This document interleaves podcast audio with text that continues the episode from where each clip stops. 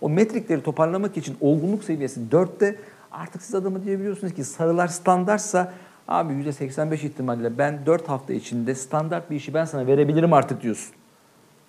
Dördüncü seviye sen ama. Ne onun emareleri?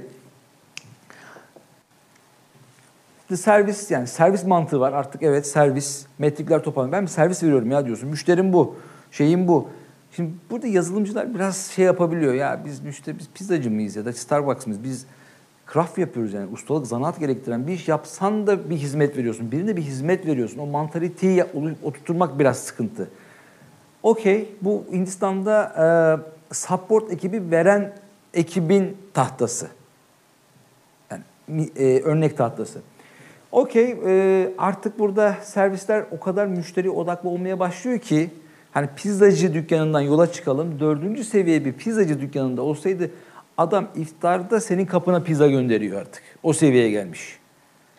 Kaçta okunuyorsa ezan, il il. Yani daha böyle agresif, daha böyle proaktif bir dükkan haline gelmiş oluyor. Bırak soğuk vermeyi, bırak karıştırmayı artık sana uyum sağlamış oluyor. O bakımdan müşteriler son derece memnun. Workflow'daki kuantiteleri kontrol edebiliyorsun work in progress'le. Şunları koymuş olabiliyorsun. Lane'lerin var. Bunlar farklı iş tipleri bunlar. Work type'ların var. Ne var mesela work type'ları? Change request, maintenance filan filan. Starbucks'ın work item type'larını sayabilir misiniz bana? Evet. Kahve yapıyorlar. Başka? Fincan değişimi. Fincan değişimi başka? Tuvaletleri temizliyorlar. Çay yapıyor. Çay yapıyorlar. Adamın farklı, adam bir servis ama o serviste farklı work item type'lar var. Farklı işler yapıyorlar. Yazılım ne yapabilir? Evet, yazılım geliştiriyor adam.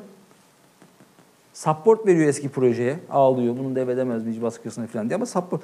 Bunlar bir work item type. Bu şekilde kırılmışsa gayet güzel. Fakat daha da ötesi artık burada bir risk identification var. Az önce bahsettiğim neydi? Bir tane şey vardı. Class of Service vardı. Hangisiydi o? Standart değil. More. Adı neydi? Intangible.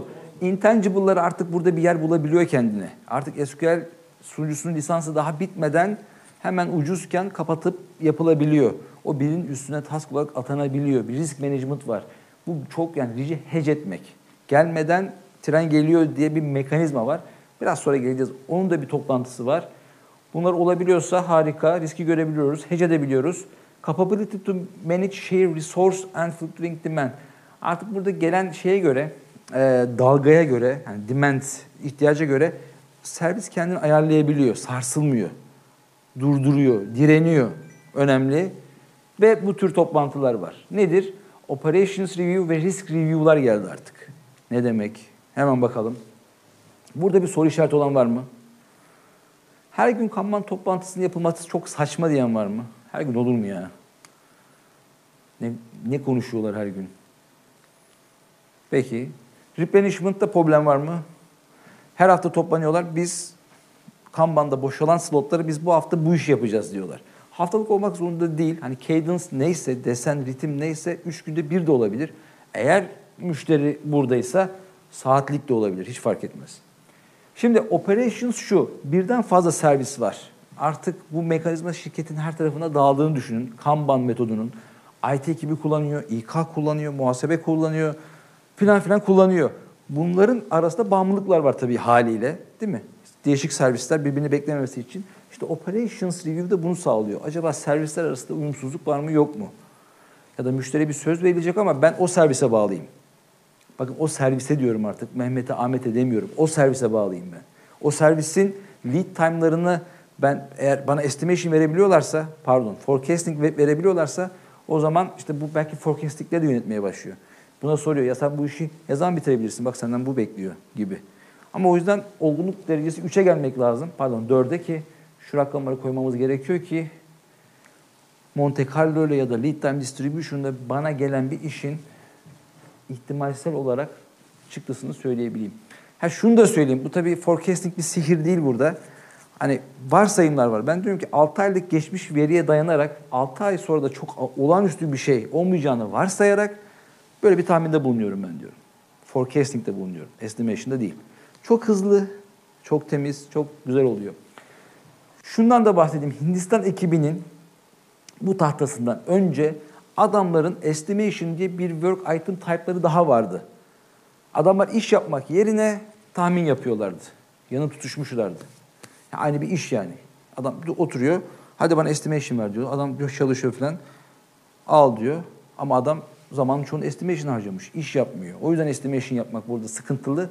Forecasting yapmak da çok güzel bir şey. Okey bu da risk review. İki ayda bir yapılabilir. Yani ne geliyor bize? Tren geliyor mu? Kış geliyor mu? Ne yapıyoruz biz? Bunun değerlendirildiği bir mekanizma var mı arkadaşlar organizasyonda? Risk toplantısı yapıyoruz. Bir. Başka? İki, buçuk. iki. Yok mu? Okey. Bu toplantı toplanıp evet e, mekanizma aslında. Evet. Toplantı demeyelim. Varsa bu dört oluyor artık. Üst yönetim de devrede bakın bu arada. Ve artık 5. market lideri Chicago Bulls'un 1996'daki hali gibi her önüne geleni deviren bir organizasyon